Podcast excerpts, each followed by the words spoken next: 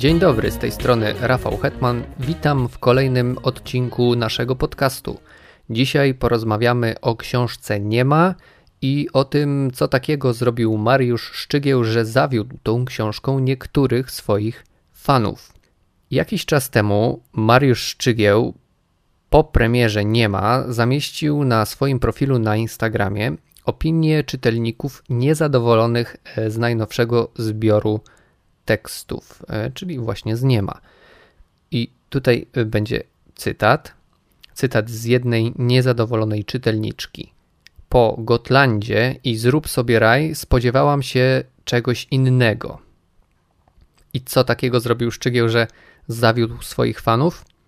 Po prostu napisał książkę inaczej.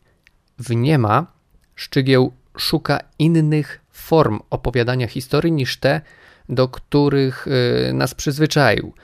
Oczywiście mamy y, w tym zbiorze duże, pełnokrwiste reportaże, które spełniają definicję gatunku, ale mamy też teksty, które sklasyfikować trudno i być może właśnie one mm, przyniosły jakiś kłopot czytelnikom, czytelnikom bo Szczygieł miksuje na przykład esej z reportażem, chociaż to nie jest nowość, albo tworzy opowiadania non-fiction, którym daleko jest do klasycznych reportaży, chociaż to też nie jest nowy wynalazek.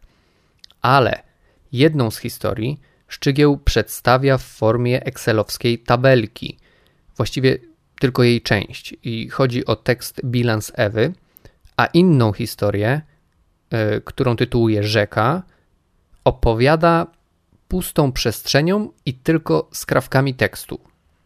No i takie zabawy formą mogą już szokować niektórych czytelników, czytelników reportaży, bo Szczygieł przyzwyczaił swoich fanów do, pełne, do pewnego stylu, mm, który większość jego czytelników identyfikuje zapewne mm, ze stylem Gotlandu albo właśnie Zrób sobie raj.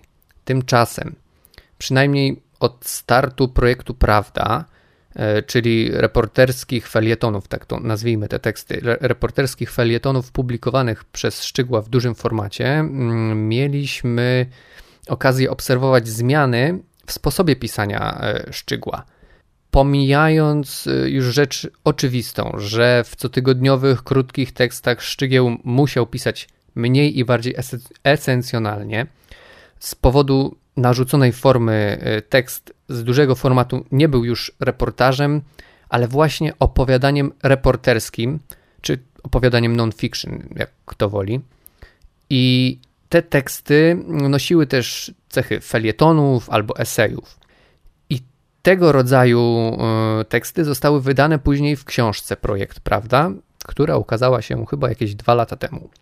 W Niema reporter idzie o krok dalej i w dwóch wyżej wymienionych już tekstach, czyli w Rzece i w bilansie Ewy z, z najnowszego zbioru reportaży, łamie całkowicie formę przyjętą dla reportażu.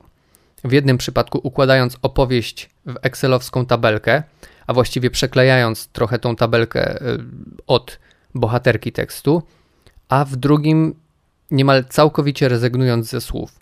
Jeżeli sobie zobaczycie ten tekst, ten drugi, w którym praktycznie nie ma słów, to zobaczycie, że miejsca, w których powinny znaleźć się zdania, są wykropkowane.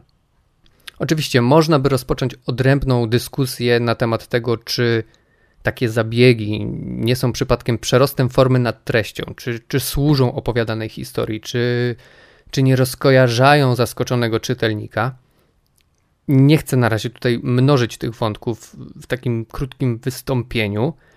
Powiem tylko, że według mnie te innowacje, które Szczygieł wprowadza, w tekście się sprawdzają, zwłaszcza jeżeli chodzi o tekst rzeka, ten wykropkowany, bo nadają mu hmm, takiemu tekstowi, no jakby nie było reporterskiemu, cech poezji.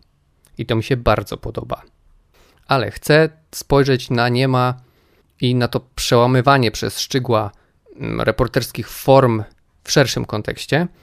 I muszę powiedzieć, że bardzo się cieszę, że niema jest właśnie takie, jakie jest. Szczygieł, jako przedstawiciel tzw. Tak polskiej szkoły reportażu, wyraźnie wychodzi poza schematy przyjęte przez reporterów no i też przez, przez czytelników. Pokazuje w ten sposób, że opowieść non-fiction, że, że opowieść non-fiction nie kończy się na reportażu. E, chociaż powinniśmy to wiedzieć, bo pamiętamy na przykład, jak pisze Hanna Kral. Ponadto, jako jeden z najwybitniejszych i najbardziej doświadczonych polskich reporterów, jako właściwie lider reporterskiego środowiska, Szczygieł daje znak innym, że można pisać inaczej.